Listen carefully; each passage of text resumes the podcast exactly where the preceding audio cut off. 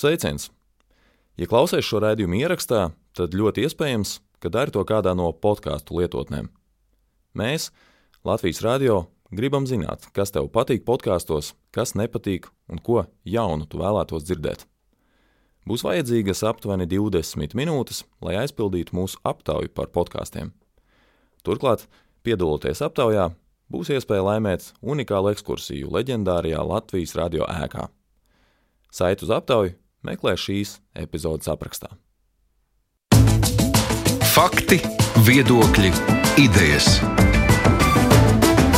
Raidījums Kruspunkta ar izpratni par būtisko. Studijā Mārija Ansone. Pasauli vakar pāršauca ziņa par Lielbritānijas karalienes Elizabetes otrās nāvi, ar kuru beidzās viņas vairāk nekā 70 gadus ilgušais valdīšanas posms. Nedēļa Latvijā arī sākās ar startautiski svarīgu notikumu, proti ar valsts prezidenta Egila Levita priekšlikumu ar likumu noteikt Latvijas pareizticīgās baznīcas neatkarību no Maskavas patriarchāta, kas atbalsta Kremļa režīmu un Krievijas sākto karu Ukrainā. Un jau pēc četrām dienām šis likums saimā pieņemts galīgajā lasīmā, un Krievijas pareizticīgā baznīca to, protams, nosoda. Tikmēr Baltijas valsts un Polija vienojušās ieviest pagaidu ieceļošanas ierobežojumus Krievijas pilsoņiem. Tas ir saistīts ar drošības apsvērumiem, bet nu, nenozīmē pilnīgu ieceļošanas liegumu. Par šiem un citiem notikumiem mēs runāsim ar žurnālistiem. Mūsu studijā ir Inga Šņori no Latvijas televīzijas raidījuma De facto. Sveika! Labdien! Anastasija Tatarenko no ziņa aģentūras Leta. Sveika! Sveiki! Toms Ostrovskis, TVNet grupa galvenais redaktors. Sveiks! Sveiki! Un mans kolēģis Aidis Tomsons vada raidījumu kruspunktā, tad, kad es neesmu šeit. Sveiks, Aidi! Jā, runājot par eh, karalienes nāvi, ir noslēdzies vesels laikmets. Tie ir bijuši 70 gadi. Viņa sāka tad, kad vēl Staļins bija pie varas un dzīvs. Um, vai šis laikmets ir noslēdzies simboliski vai ne tikai simboliski, Aidi? Kā tu vērtētu? Nu, man liekas, ka tas vairāk, kas man šķiet tajā visā ir bijis tāds fascinējošs, ka tas ir bijis tāds savienojošais cilvēks starp, ja domājas, Winstonu Čērčilu un mūsdienām. Un tas ir kaut kas tāds, ko tā īsti, man liekas, es tā nespēju ar savu prātu aptvērt. Un tādā ziņā es domāju, nu, tā ir milzīga ēra, kas ir aizgājusi prom no, no mums. Visādi citādi jau, protams, mēs esam diezgan tālu no tādas karaliskās tradīcijas. Un, nu, man personīgi tas šķiet vairāk, nu, kaut kādas pieļāvja arī pašiem, kaut gan es nezinu. Uh, jebkurā gadījumā man tas vairāk liekas, ka tāds, nu, tāds realitātes šovs zināmā mērā, ko es no attāluma skatos un vēroju. Bet nu, tas, ka viņa neapšaubām ir bijusi nu, ar tādu milzīgu lomu, un jā, es domāju, atstājusi savu vārdu vēsturē, tas nu, gan ir fakts. Jā, milzīga loma, un visi, nu, ja pasaka vārdu monarhija, tad uh, visi parasti uzreiz iedomājas Lielbritāniju. Nu, tā ir tā slavenākā, visi zina, kas ir Elizabete. Um, vai nākot pie varas, pie troņa Čārlzam, viņas dēlam, kurš nav tik spilgta personība, bet arī nu, daudzi zina, vai šī monarhijas.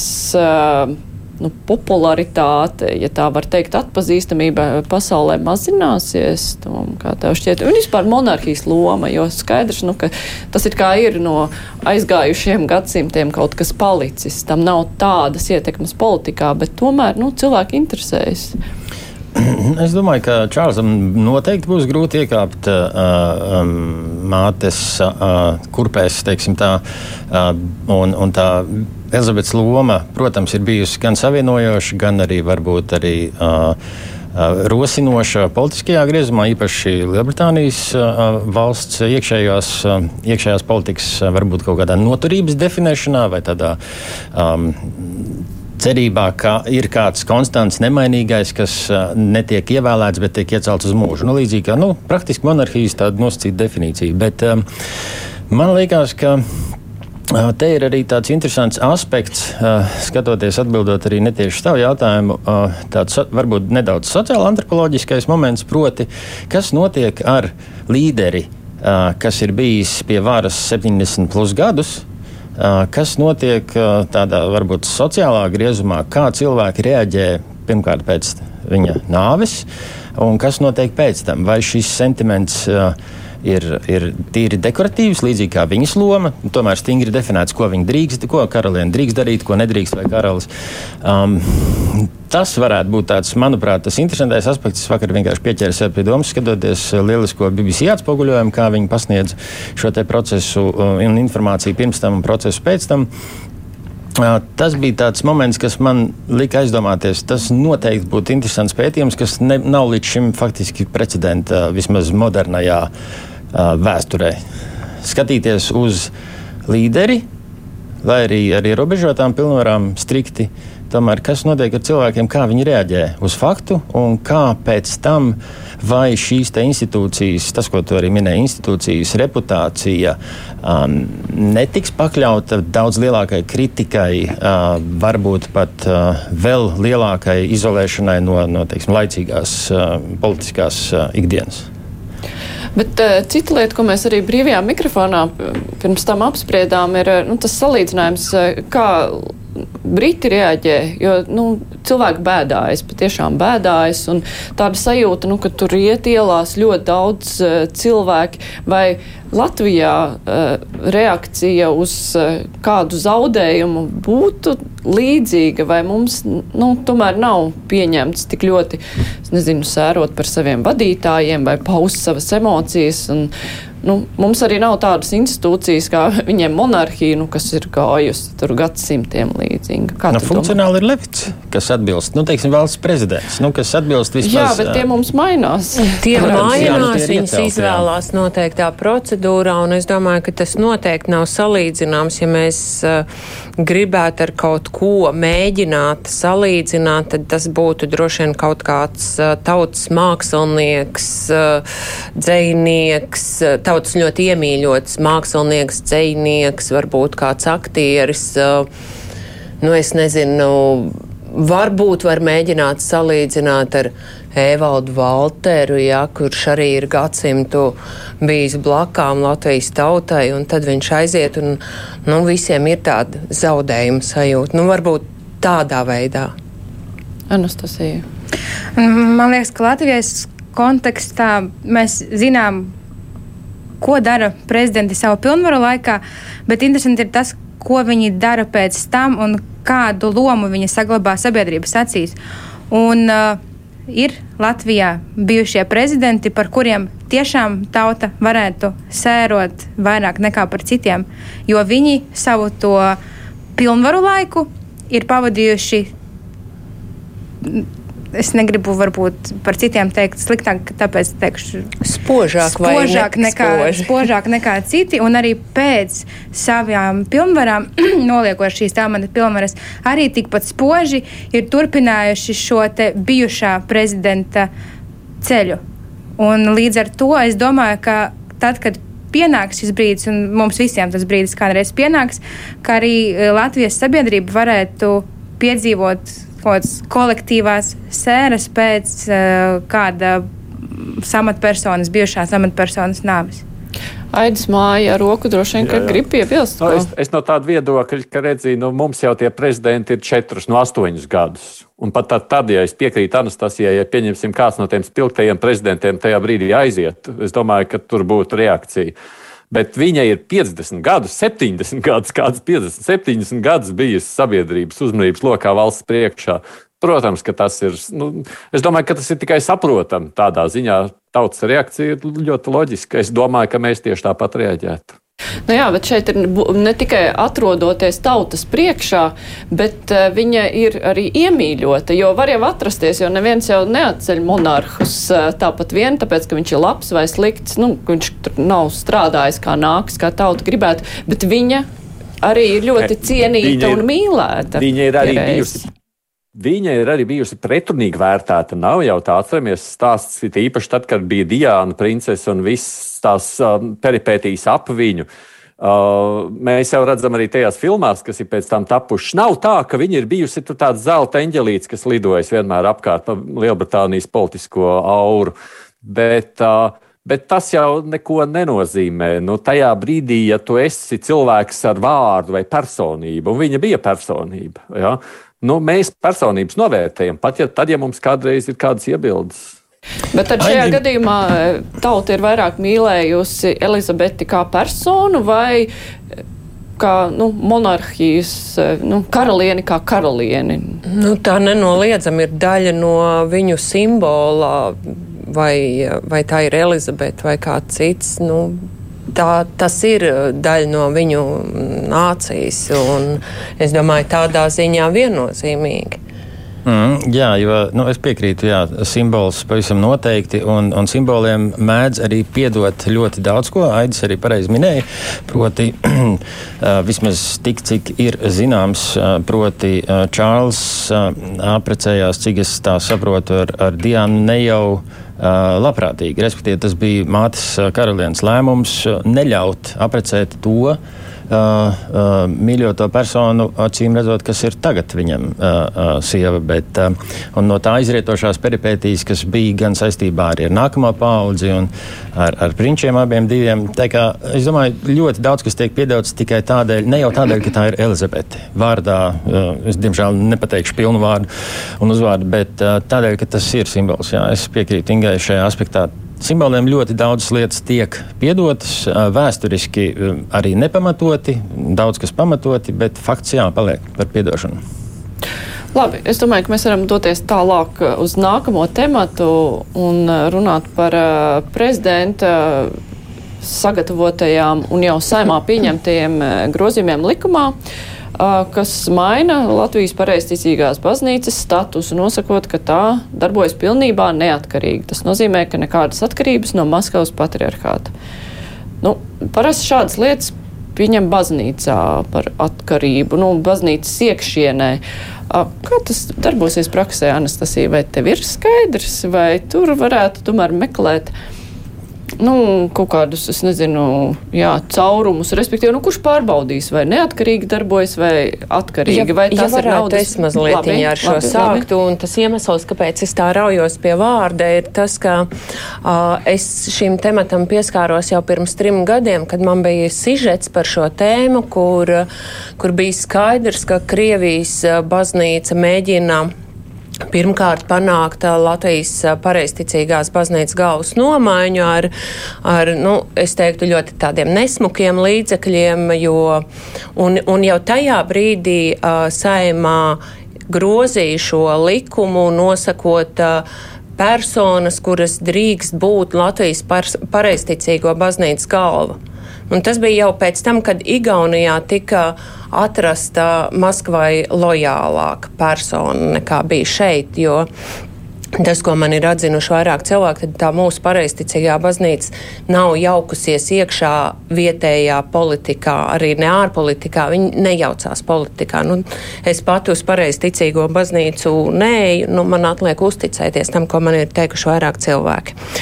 Nu, lūk, pirms tiem trim gadiem kopā ar šo mēģinājumu nomainīt uh, baznīcas galvu, notika arī nu, pretējais mēģinājums, ka mūsējie saprotot, ka ir, nu, ka ir slikti un var gadīties, ka būs vēl sliktāk. Viņi brauc uz pieņemšanu Maskavā ar dokumentu, kas bija iekšēji baznīcā apstiprināts, nu, tā kā šajā baznīcas uh, ietvarā, lūdzot vēlreiz Maskavai pateikt, ka viņa ir pilnīgi neatkarīga baznīca, ka Maskavas patriārhs Kirillis te neko nevar ietekmēt. Un uh, es neesmu pasekojusi līdzi, kas notika pa vidu, jo bija solīts, ka dažu mēnešu laikā no tās uh, Maskavas jābūt tai atbildēji. Atbildes acīm redzot nav bijis. Un es pieņemu, ka šis ir bijis tāds izmisuma gājiens. Uh, lai, ja to nedara Maskava, tad mēs to vēlreiz pasakam caur, savie, caur saviem iekšējiem likumiem, jo likuma projekta anotācijā 9. punktā ir ļoti skaidri un gaiši pateikts, ka šā gada vasarā ir saņemta informācija. Es gan nezinu, kādēļ tā informācija tik ilgi ir gājusi līdz ārlietu ministrijai. Varbūt tur mūsu baznīca ir mēģinājusi pati vēl kādus risinājumus meklēt, bet vasaras vidū ārlietu ministrija ministrija ir saņēmusi informāciju, ka 24. martā, tas ir mēnesis pēc kara sākuma, Maskavas patriarchāta sinode tagad es citēju, patriarha Kirila vadībā izveidojusi pārvaldi eparhiju lietās, kuras atrodas tuvējā aizrobežā.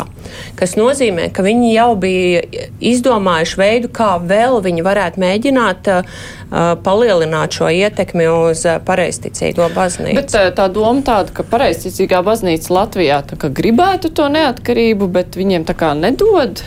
Nu, viņa ir neatkarīga, bet viņi, es pieņemu, ka savā starpā dažādi tulkošos nu, pietiekami sarežģītos baznīcas dokumentus, kas ir kā un kas pie kā pieder. Un, ja mūsu baznīca uzskata, ka viņi ir absolūti neatkarīgi un nekāda Maskava nevar noteikt to, kas notiek šajā baznīcā, tad no acīm redzam, Maskava uzskata citādi. Un to, par to liecina arī šīs dienas viņu paziņojums, kurā viņi uh, strostēja Latviju par to, ka ir pieņemts lūk, šāds lēmums.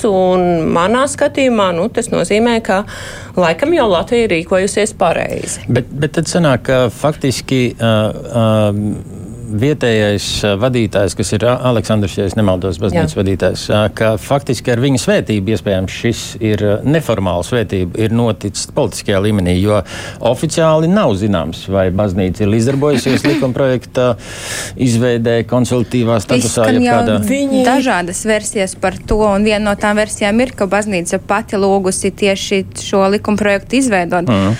No otras puses, man tas neliekas līdz galam skaidrs iemesla dēļ, dēļ, ka ir jāsaprot, kas ir tie cilvēki, kas nāk uz baznīcu, jo viņiem visticamāk nav līdz galam skaidrs, kāpēc Latvijas pareizticīgo baznīcai būtu jāatdalās no Maskavas patriarchāta. Un, uh, ja to soli skaidrot pati baznīca un, teiksim, nāktu ar šo priekšlikumu, varbūt tiem ticīgajiem, kas iet uz baznīcu, viņiem arī tas būtu saprotamāks un kaut kā varbūt mainītu nu, jā, viedokli par, jā. par to, ka tas nav ok, ka Kirils uh, Maskavā svēta tankus, kuri brauc uz Ukrainu. Uh, bet tā kā tas ir noticis bez jebkādiem, es saprotu, man šķiet, ka neviens mēdīs līdz šim nav dabūjis uh, pareizticīgo baznīcas. Nē. Es toreiz uh, intervēju pareizticīgo baznīcas pārstāvi. Tas bija pirms tiem trim gadiem. Uh, šobrīd, cik man zināms, arī nav neviens atsaucies. Es pat ar šo nu, tā aktuālu neesmu nodarbojies. Jā, ka, nu, tas ir, manuprāt, uh, apstiprina īsti šo te vienu no versijām, ka baznīca pati gāja. Tā jums dēļ, ka viņi šobrīd neko nesaka arī viņi nesaka, ka nē, tā nevajag, ka tas, nav, nu, ka tas nebūtu pareizi. Ja tas nebūtu pareizi viņu ieskatā, viņi visticamāk iestātos par to, ka nevajag tā darīt. Jo mēs redzam, kas notiek ar katoļu baznīcu, luterāņu baznīcu, ka ja viņu tiesības vai. Um, citas lietas tiek aizskatas, tās ļoti aktīvi vēršas pie politiķiem. Neaiztieciet mūs, mēs paši tiksim galā. Kas liek domāt, ka pareizticīgo baznīca šajā gadījumā tiešām ir bijusi vai nu blakus iniciatoram vai nu pati inicijēja šo nu, procesu? Nu, vismaz varbūt Aleksandra personā. Nu, mēs varam spekulēt, uh, ka Aleksandra personā iespējams tā atbalsts ir bijis, bet nav jau arī obligāti. Es neesmu eksperts šajā, teiksim, reliģiskajā mūsu Latvijas konfesiju um, nu, tādā ikdienā, bet var gadīties, ka pareizticīgo baznīca Latvijā arī nav viendabīgs organisms. Ir teiksim, tas, ko Inga minēja par Aleksandru, kas bija 19. gadā, ko viņi mēģināja mainīt. Tas noteikti varbūt ir arī atstājis kaut kādas sekas, un var gadīties, ka ir neskatoties uz vertikālo hierarhiju baznīcā, kas visticamāk arī ir pareizticīgo baznīcā, es domāju, ka tur var gadīties arī nu, citi, citas divīzijas vai varbūt atšķirīgi viedokļi par to, vai kā un kāpēc. Tā kā tas varētu, tāpēc varbūt arī tā spekulācijām ir pamats, ka nav skaidrs, kā tad īsti tas notika un vai tas ir vismaz uh, verbāli saskaņots savstarpēji. Nu, lai nav tā, ka tas ir, ir absolūti skaidrs. Šis ir politisks lēmums, cīņa par prātiem, par pasaules redzējumu, uh, labi pareizticīgo prātiem, kas ir vismaz pēc oficiāliem datiem 250 tūkstoši plus mīnus. Tas ir daudz. Uh, par prātiem, nu, ar, par vērtībām, kas ir rietumu un mūsu pasaulē tuvāki. Tā kā, nu, Vairāk šīs ir tādas spekulācijas. Jā, Ingas pieredze ir 19. gadu, un, un, un gan jau Es, es piekrītu, nu, tas, ka tas, tas vēl būt. sanāk pēc Krīmas un pirms šī mm. iebrukuma, bet uh, politiķi ir izteikušies, ka tas ir bijis konsultējoties ar pareisticīgo baznīcu. Tas, kā viņi izsakās, nu, es pieņemu, ka tur ir bijusi nu, tā vēlme vai aicinājums nu, tā publiski par to nerunāt, -huh. cik liela ir bijusi pats, paša baznīcas loma. Bet uh, nu, tas, ka viņi ir gribējuši to neatkarību, nu, ta, tas, tas, ka viņi 19. gadā jau brauc uz Maskavu un lūdza vēlreiz apstiprināt, ka viņi ir neatkarīgi, un toreiz par to vēstuli parakstījās vismaz 125 draudzes. Tas tomēr liecina, ka tā ir bijusi tāda ļoti liela paša baznīcas interese, lai viņiem tiek nostiprināta šī neatkarība. Nu, nu, tas raksturā, mans pieļāvums. Kaut tā. kādā arī sautīgi noteikti kontekstā. Bet man ļoti patika tas teiktais par to, ka, uh, nu, es teikšu, procesuālais, kā tas tika izdarīts. Jo šajā gadījumā baznīca ir absolūtais ieguvējs. Viņi nesaka ne jā, ne nē, vismaz uz doto brīdi. Politiķi vai, vai nezinu, prezidenta kancelēja vai prezidenta personā uzņemās atbildību, bet veids, kā īstenībā ir ļoti svarīgs. Kā nokomunicēt ar sabiedrību, īpaši ar saviem, nu, ne gluži baznīcāniem, bet vismaz draudzēs aktīvi darbojošiem cilvēkiem. Proti, tagad sanāk, ka tas, tas tiek uztverts tikai un vienīgi kā politisks lēmums. Un tas varbūt nav tas labākais veids. Baznīca ir ļoti izdevīgs. Jā, bet, bet mēs nezinām, ko nu, viņi nezinām, saka jā. savos dievkalpojumos, vai pirms tiem, vai pēc tiem. Nu, varbūt viņi kaut kā iekšēji to komunicē, nekomunicē uz āru. E, es tiešām varbūt, to nezinu. Jā. Aidi, kā tev šķiet, nu, kādām sekām tagad vajadzētu parādīties, respektīvi, kam tagad ir jāsako līdzi kādām reakcijām pēc šī lēmuma, vai ir jāskatās, vai nāks no pareizticīgo draudzēm kaut kādi signāli. Uh, nu, Krievijas pareizticīgā baznīca jau pateica savu viedokli, tas jau ir tā kā bijis sagaidāms. Nu, lai saprastu visu šo procesu, kam mums tagad ir jāpievērš uzmanība, kā tev šķiet? Nu, tad tā pirmā lieta, kas droši vien jāpiebilst visā šajā sakarā, nav jau tā, ka mums nav nekādas reakcijas. Šorīt jau aģentūra Leta ir dabūjusi reakciju arī mūsu portālā LSM, sabiedriskā mediju portālā ir ielikts. Tātad baznīcas patriārka Kirila padomnieks, virspriesteris Nikolais Balāšovs ir komentējis šo notikumu. Viņš ir kritiski komentējis. Nē, nu, tas, tas ir no tās Maskava. puses, no Maskavas, bet nav reakcija no Latvijas pareizticīgās baznīcas. Mm. Nu, savukārt, runājot par Latvijas pareizticīgo baznīcu, es domāju, tas iemesls, kāpēc, uh, uh, nu, kāpēc tā situācija jau nav tik vienkārša pat par sevi. Jums jau jāsaprot, nu, tā tad baznīca jau nav nekāda tāda. Uh, viendabīga institūcija. Tie, nu, tas ļoti līdzīgi, ka mēs to varētu izveidot, pieņemsim, Latvijas valdību.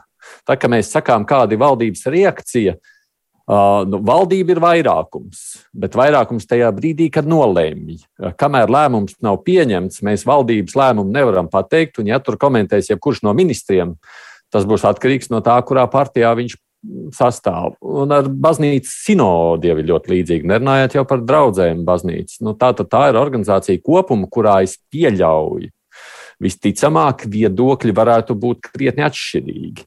Tajā brīdī, kad viņi sanāk kopā un par kaut ko vairumā nobalso, nu, tad viņi var pateikt arī publiski. Nu, tā kā pareizticīgo baznīca pat par sevi ir izvēlējusies tiešām ļoti slēgtu pieeju, viņi vispār cenšas būt tikpat nemanāmi kā zāle. Uh, tad mēs jau nezinām, cik liela tā viedokļa dažādība tur ir. Un es domāju, ka tā klusēšana lielā mērā varētu arī būt šī iemesla dēļ saistīti, lai neizprovocētu šo dažādību. Tāpēc ir jāgaida, cim redzot, man, ja es esmu pareizi dzirdējis, nākošajā nedēļā sanāk kopā jau baznīcas vadība. Es varbūt kļūdos, bet man tā šķiet, ka tāda ziņa līdz manim bija nonākusi, kurā tad viņi, tad, kad lems, tad mēs iespējams kaut ko dzirdēsim. Bet baznīcas vadība jau pat apzinās, ka šis Un to rāda vēsture visās citās valstīs. Šis praktiski, lai arī ko sinode nolēmtu, var izraisīt baznīcas šķelšanos. Nu, mēs to esam redzējuši Igaunijā, Ukrajinā, visur citur. Šī pārvaldības maiņa ir milzīgi riskants moments. Jā.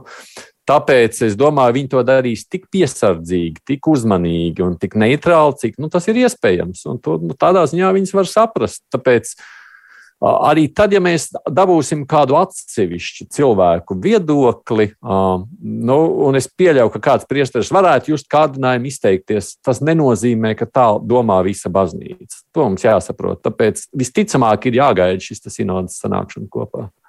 Bet tad, principā, nu, ja, piemēram, kaut kāda daļa no pareizticīgo baznīcas šķeļas un, nezinu, pieņem kaut kādu citu nosaukumu, kas nav Bet tā, tā, tam ir tāpat jāiet caur uh, reliģisko organizāciju darbību. Nu, nevar tā izveidoties baznīca bez jebkādas valsts sankcionēšanas. Un uh, tad jau arī uzreiz jau rodas jautājums, vai var izveidoties tāda baznīca, nu, kas pakļaujas atkal Maskavas patriarchātam, un nu, viņiem taču ir jānoformējas kaut kā. Nu, respektīvi, nevar tā. Tas nav tik vienkārši. Nu, tieši tā. Protams, jā, bet tas jau arī neko nenozīmē.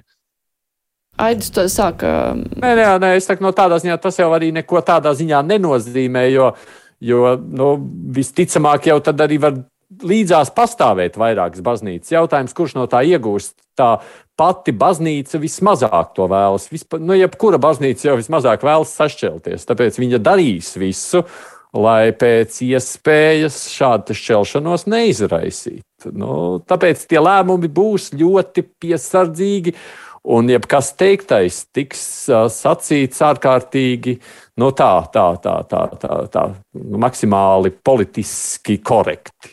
Var, jā. no otras puses, mums joprojām ir kā, reliģijas brīvība, un ja pat ir kaut kādi um, viedokļu ir kaut kāda viedokļa dažādība baznīcas iekšienē, un ja pat baznīca oficiāli, nu, ja, ja mēs pieļaujam, ka baznīca var sašķelties, un kāds grib dibināt jaunu uh, reliģisko organizāciju, un tai, piemēram, uh, ir juridiski šķēršļi to izdarīt, tas jau šiem cilvēkiem netraucē runāt. Kas šajā situācijā uh, ir, man liekas, pats svarīgāk nekā nodibināt organizāciju, jo kāpēc, teiksim, nu, manā ieskatā ir svarīgi Maskavas patriarchātam tas, ka um, mēs, mūsu baznīca, Latvijas pareizticīgā baznīca, ir bijusi zem viņu, viņu ieskatā spārna, ka viņi e, nu, kaut kā varētu kontrolēt arī to, kas tiek runāts. Un ja no par, Latvijas pareizticīgās baznīcas atšķeltos kaut kāds radikālāk domājošs, austrumnieciskāk runājošs spārns, viņi pat vienkārši varētu runāt par to, ka mums ir ierobežota reliģijas brīvība un viss pārējais, kas ir tikai uz roku baznīcai, kas ir palikusi senāk atšķelta Krievijā. Aidis grib iebilst vai papildināt pēc tam Tomlami. Tas tāpēc, ka mums ir jau, nu, ja no tāda viedokļa skatāmies, mums taču pareizticīgo baznīcā šī šķelšanās jau ir notikusi. Mums ir izveidojušās neatkarīgas Latvijas autonomās pareizticīgo draugas. Atcerieties, satversmes tiesas spriedumu pirms gadiem, nu, gan ap pieciem apmēram, ja tā pareizi atceramies.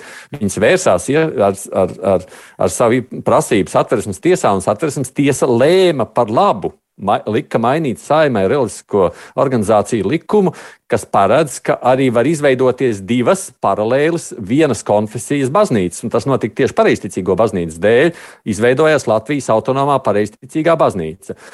Tas, ka esošā lielā baznīca pret viņiem diezgan aktīvi cīnījusies un ir mēģinājusi arī noslāpēt viņu darbību, arī ir fakts līdz šim. Plus mēs zinām, mums, piemēram, divās puslodēs bija aizvakar kolēģis Liniņš intervēja vienu no Ukrainas atbraukušo priesteru, kurš, piemēram, savukārt mēģina šeit Konstantinopolis pakļautībā esošu baznīcu veidot. Nu, tas, ka tur notiek, to jau mēs redzam. Tāpēc jau pareizticīgo baznīcu tik ļoti cenšas izveidot. Ir tiesības, un tu, tu neko nevar izdarīt. Latvijā drīkst pastāvēt vairākas pareizticīgo baznīcas, arī šobrīd saskaņā ar satversmes tiesas spriedumu. Uh, es, es gribēju vienkārši iemest tādu varbūt fiksīti spekulatīvu, proti, uh, ja pieņem, ka uh, Aleksandra, ar Aleksandra svētību šis ir iniciēts, tad faktiski var uzskatīt, ka nu, strateģiski viņš ir savu lomu izpildījis vai, vai, vai, vai, vai vīziju. Un tagad jau ir runa par taktisku. Viņš var arī, piemēram, lai, kā Aidis minēja par šķelšanās kontekstā, var uh, ļoti spekulatīvi, var, piemēram, um, piekāpties. Jo viņš ir izdarījis strateģiski paveicis to, ko viņš vēlējās izdarīt, vienalga vai uh, sakarā ar 19. gada epopeju, vai, vai varbūt viņam ir uh, daudz plašāks un tālāks redzējums. Un atkāpties vai iet pensijā, vienalga kā to nosaukt, un dot vietu jaunajiem, lai nesašķeltu baznīcu. Piemēram, nu, viņš kā iniciators, iespējams, ka baznīcas un, un rindās noteikti ir zināms, cik daudz ir bijis atbalsts no vadītāja. Uh, un, attiecīgi, lemt uh, šādi upurējot savu amatu mūža ieguldījumu, bet lai saglabātu ilgtermiņa baznīcas varbūt nedalāmību. Vai, nu, es saku, tas ir ļoti spekulatīvi, tas ir nu, tīri no zilgais. Nu, skatīsimies, tuvākais laiks jau arī rādīs kaut kādu virzību. Es atgādināšu klausītājiem, arī Latvijas televīzijas skatītājiem, ka šodien kopā ar mums ir Anastasija Teterenko, ziņa aģentūra Leta, Inga Šņore no Latvijas televīzijas, Toms Astrovskis, TVNet grupas galvenais redaktors, Aits Tomsons no rēdījuma kruspunktā. Mēs tūlīt turpinām. Raidījums Krustpunktā. Baltijas valstis, Polija vienojušās par ieceļošanas ierobežojumiem Krievijas pilsoņiem. Uh, nu, tas ir saistīts ar drošības kārtības apdraudējumiem. Uh, bet, nu, pilnīgs aizliegums tas nav, jo tāpat tiks saglabāti, nu, kaut kādi izņēmumi, piemēram, disidentiem, ģimenes locekļiem humanās situācijās, uzturēšanās atļauju turētājiem, kravu un transporta pakalpojumu atvieglošanai, diplomātiskām misijām. Principā runa ir tikai par turismu, kaut kādam darbu, kultūru. Nu, tā ir kaut kāda viena daļa. Tas ir pietiekami pašreizējā situācijā. Es teiktu, labs iesākums. Bet vajag turpinājumu. tas ir pārņemt pārējām valstīm. Mēs. Tas ir tāds bezgalīgi grūti izkontrolējams. Es baidos, ka tajā brīdī, kad sāks dalīt pa grupām, tādām grupām, šitādām, tad tur parādīsies, nu, kas te to visu vērtē. Un tā, nu, turisms, nu, tas ir pietiekami skaidra līnija, ja cilvēks tur brauc, lai izklaidētos. Nē, ne, nebūs jums izklaides, kamēr Ukrainā ir karš. Jā, no otras puses, ja ir atruna par ģimenes locekļiem, tad cik Latvijā ir cilvēki, kuriem ir ģimenes loceklis tuvāks vai tālāks Krievijā, tas arī paver daudz iespēju cilvēkiem šķērsot robežu. Līdz ar to, bet, bet no otras puses, vai var pilnīgi tiešām aizliegt tikties ģimenes locekļiem, jo nu, tas arī šķiet nelīdz galam pareizi. Uh, Man liekas, ka esošajā situācijā varbūt šis regulējums, kas ir maigs, jā, bet varbūt tas ir labs pirmais solis, kā Inga teica, un domāt, kā rīkoties tālāk, ja tas nestrādā. Ja tiešām turpinās kaut kādi mums valstī nevēlami procesi. Man tikai tā tīri praktiski interesē, nu, kas tad to visu spēs izkontrolēt un izanalizēt, cik pamatots ir tas mērķis, vai tur tas tuvinieks patiešām ir uz nāves gultas un tāpēc viņu steidzīgi vajag apciemot, jo, nu, PMLP jau šobrīd netiek galā ar pasu izsniegšanu, kas ir vienkārši haoss. Nu, kas tad to darīs, cik tam būs resursi, un vai tas būs tikai ķeksīts uz papīra, jā, ka mums ir šādi, šādi un šādi nosacījumi, vai tomēr tas būs kaut kas, ko pietiekami praktiski var nu, izkontrolēt vismaz kaut kādā mērā. Mm. Ja, nu, PMLP, man liekas, mēs, mēs visi esam apcēluši pietiekoši daudz. Tur ir, tur viņiem tas darba apjoms ir pieaudzis un turpinās pieaugt. Un visticamāk, tie arī būs viņi ar kaut kādu politisko uh, lēmumu aizmugurē, ko, ko jā, ko nē, kuru jā vai kuru nē. Bet uh, nu, šis žests ar aizliekšanu, manuprāt, tas ir žests, neskatoties uz, uz, uz skaļu uh, pozicionējumu.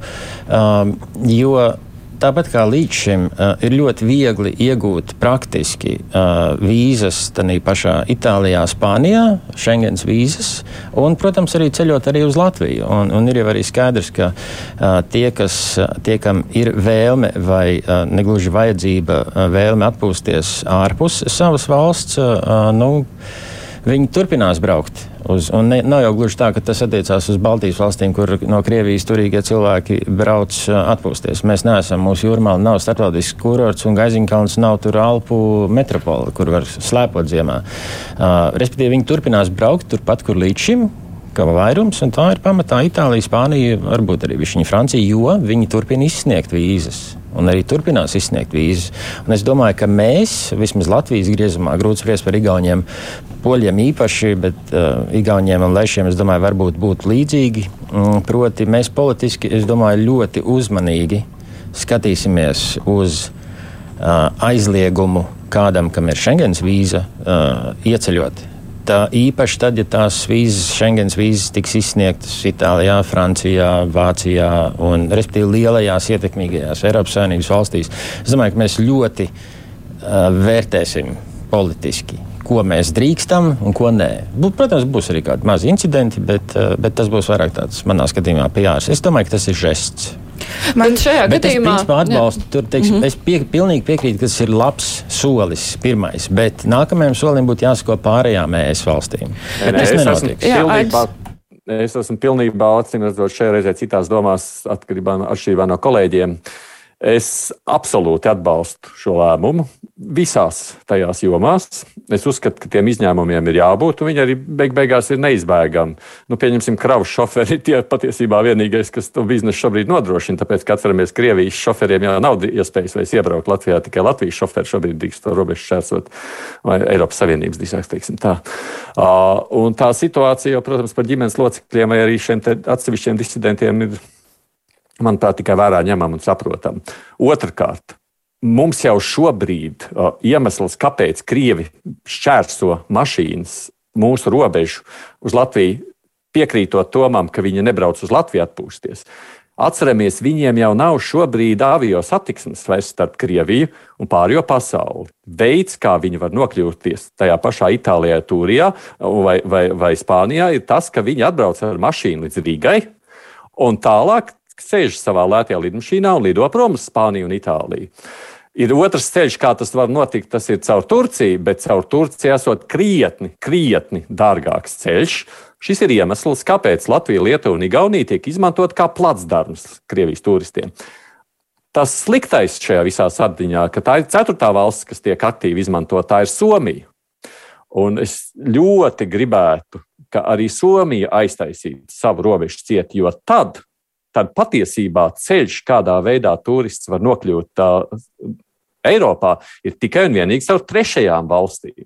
Jo mēs jau esam tā sauszemes robeža, kur izmanto automašīnām. Tāpēc jau tas ir tik ļoti sāpīgs un svarīgs jautājums.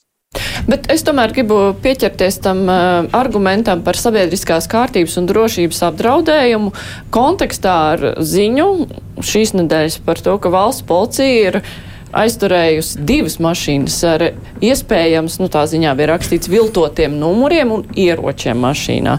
No vienas puses, nu, nu jā, maz kas tur braukā.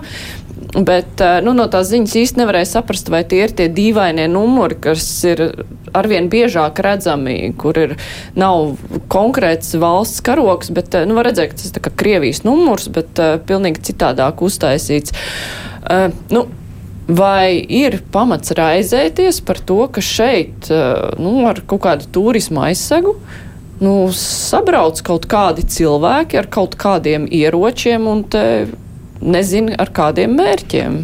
Nu, pirmkārt, jau gribētos domāt, ka uz robežas kaut kāda kontrole notiek arī uz ieročiem un mašīnu numuriem. Tas būtu pirmkārt. Bet kā tās mašīnas tad tiek iekšā? Ja nu, neviens obligāti, nevar. Viņas jau bija uz robežas. Jā, iespējams, jā. ka tās jau ir tikai bija. šeit Jā. tādas kļuvušas. Un vēl ir otrs jautājums, kā tas ir iespējams? Nu, pa ielu brauc.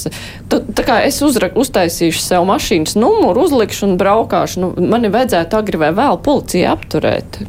Nu, zin, kā, es, es domāju, ka, uh, ja ir runa par kaut kādām koordinētām diversijām no Krievijas varas iestāžu puses, es domāju, ka noteikti nē.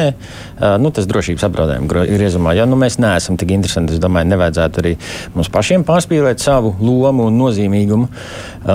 Bet tas, ka mēs varam kļūt šī iemesla dēļ, ka tikai un vienīgi tas, ko Aidis minēja, ir uh, transporta kustība, ka mēs varam kļūt par tādu, nu, varbūt kriminālās pasaules uh, tranzītu valsti. Nav obligāti, ka gala mērķis ir šeit, tikpat labi kaut kur citur. Jā, ļoti iespējams. Tas var tā būt. Bet uh, tāda no tādām, man liekas, koordinēta diversiju, tie ir, man, manā skatījumā, tie ir atsevišķi izņēmumi gadījumi, vismaz pagaidām. Man tā izskatās. E- e- Es teiktu, ka par maz vispār informācijas, lai spriestu, es tomēr. uh, Ņemot vērā, cik lielas ir tās spekulācijas par šo gadījumu, un, un tur var patiešām tā teikt, izpīpēt nu, gan ļoti neitrālus scenārijus, gan patiešām briesmīgus scenārijus, kas gan bija tie īstie iemesli.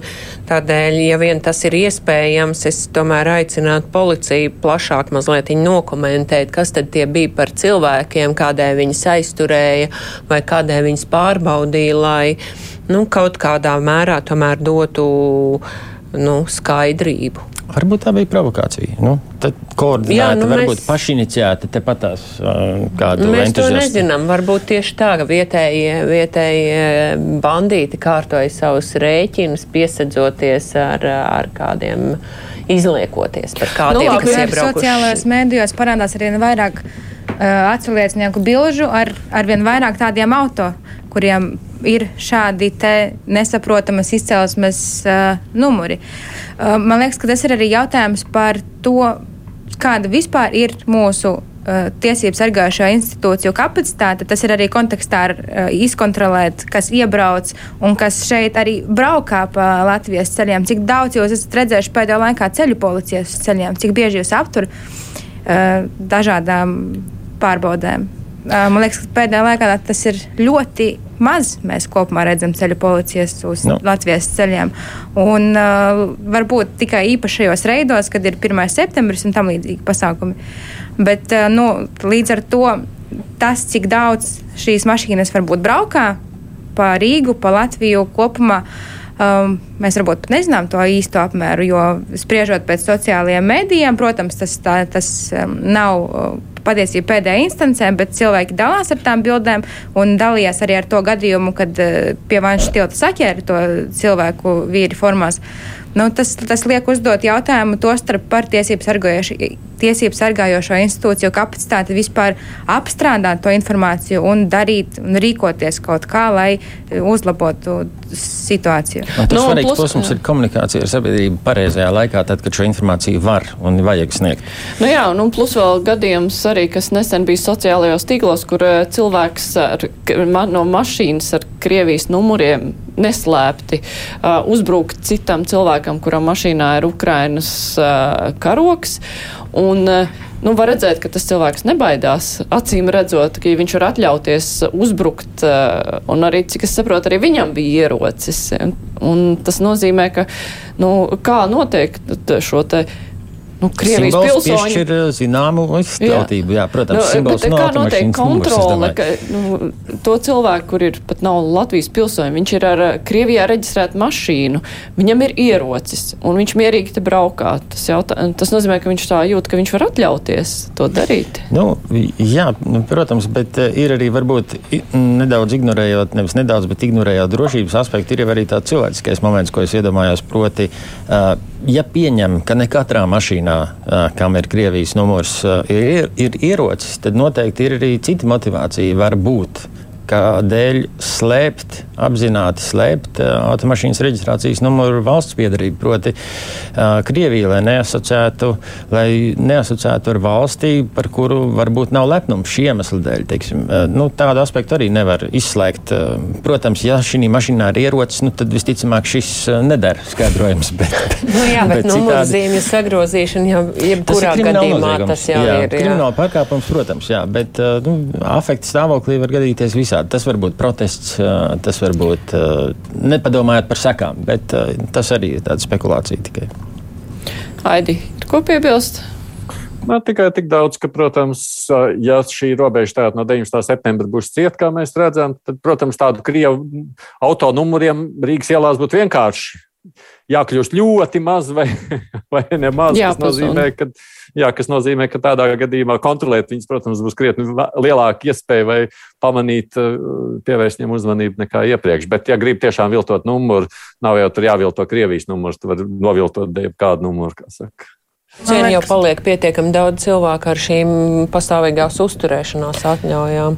Jā, bet, man nu... liekas, ka arī jāņem vērā, ka okay, mēs esam noslēguši robežu iebraukt jauniem cilvēkiem, šķērsot Krievijas robežu uz Eiropas Savienību, bet uh, mašīna ar Krievijas numuriem un Krievijas pilsoņu rietuma Eiropā tāpat ir daudz. Vai tiešām uh, Lietuva, Polija un mēs noslēgsim arī robežas, kas ir kas nav tiešā saskarē ar Krieviju. Man liekas, ka tāds lēmums nav plānots.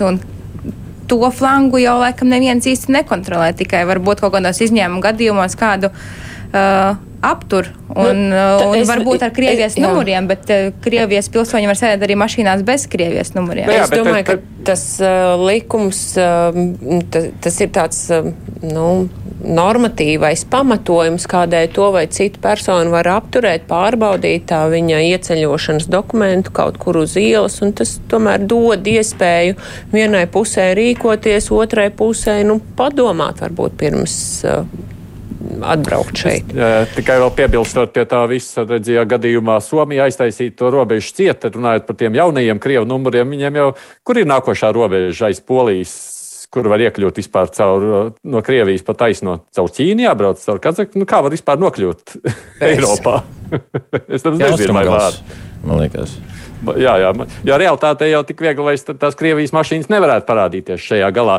Es atceramies, vēl starp citu, tā tikai tāda maza atkāpe no formas. Tad, kad savulaik latvieši steidzīgi reģistrēja savus automašīnas Lietuvā, jo tur bija lētāks nodoklis, un toreiz mēs pieņēmām noteikumus, vai ne, ka ja tu brauc vairāk nekā cik tur dienas, nenoma, nu, pasakot ar svešu zemes numuru, tad tev ir jāmaksā tur katru dienu kaut kāda atļaujas maksa. Nu, tad Krievijas numuriem jau tas pats var darboties. To lietu, ja grib, var atrisināt diezgan vienkārši. Jā, papildināt budžetu.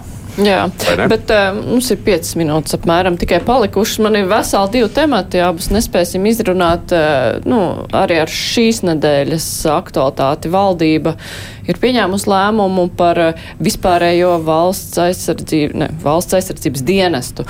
Uh, saimai vēl par to ir jālēmj. Un, nu, tas, uh, nu, valdība ir ļoti vienota, tur viss ir kārtībā, izņemot atsevišķas diskusijas, uh, protams, par uh, sieviešu klātbūtni un obligātumu.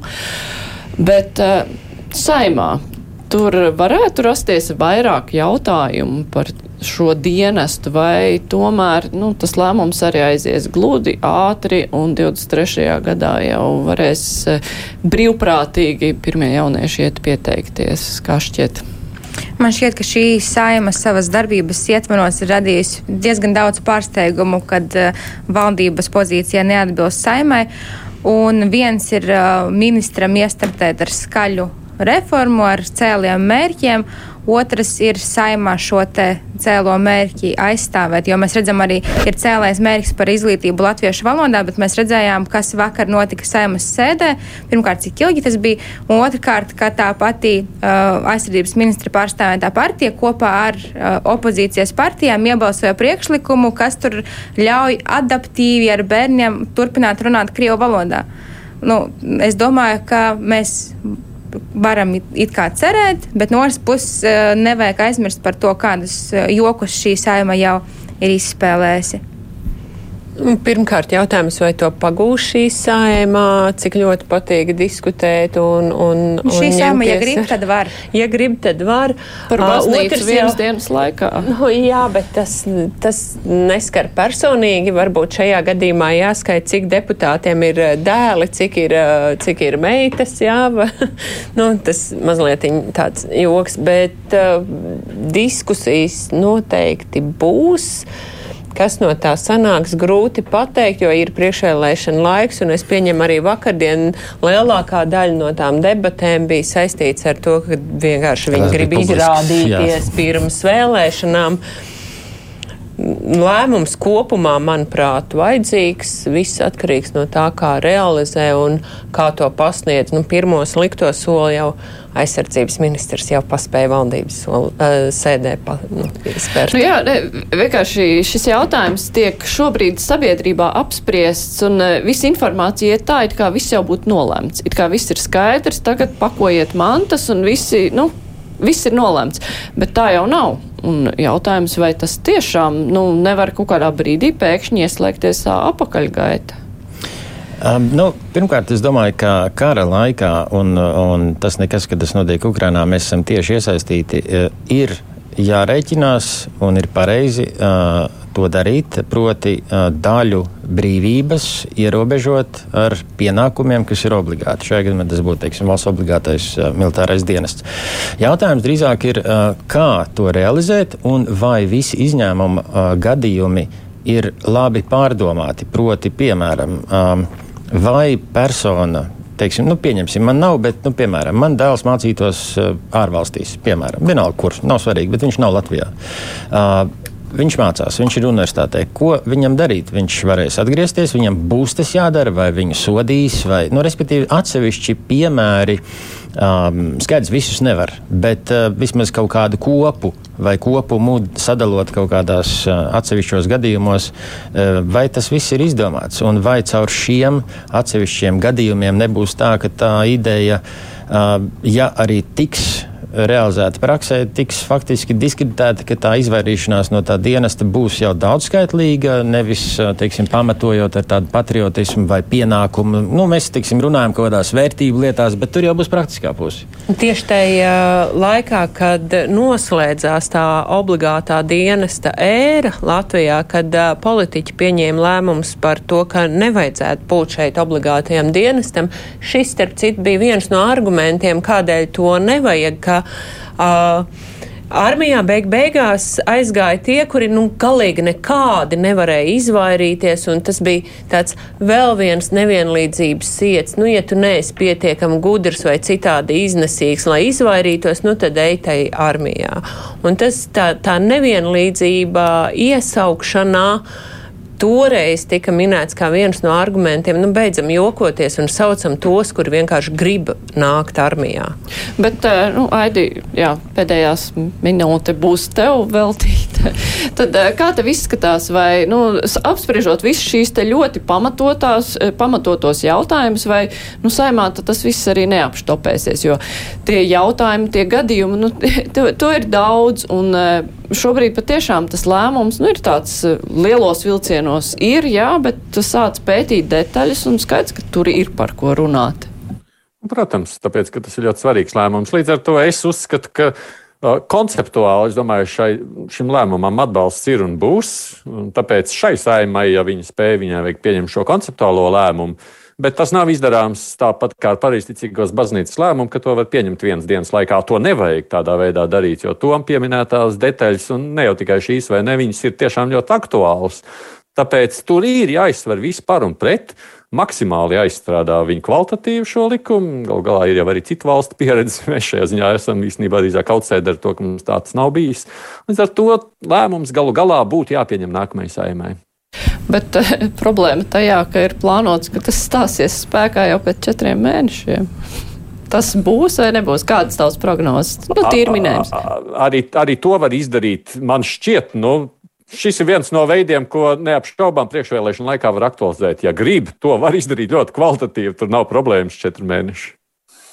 Jā, nu skatīsimies. To jau mēs visi redzēsim praksē. Inga gribēja ātri piebilst Jā, kaut ko. Mazi īsti piebildu. Tas, kas man nav skaidrs, kā tas korelēs ar valsts aizsardzības mācību skolā, jo visiem jau it kā būs jau šis jādara. Un tad viņi to darīs vidusskolas laikā, un tad pēc tam vēl ies gadu armijā. Vai tur nevajadzētu arī nu, jā, tās ko. ir tās interesantās detaļas.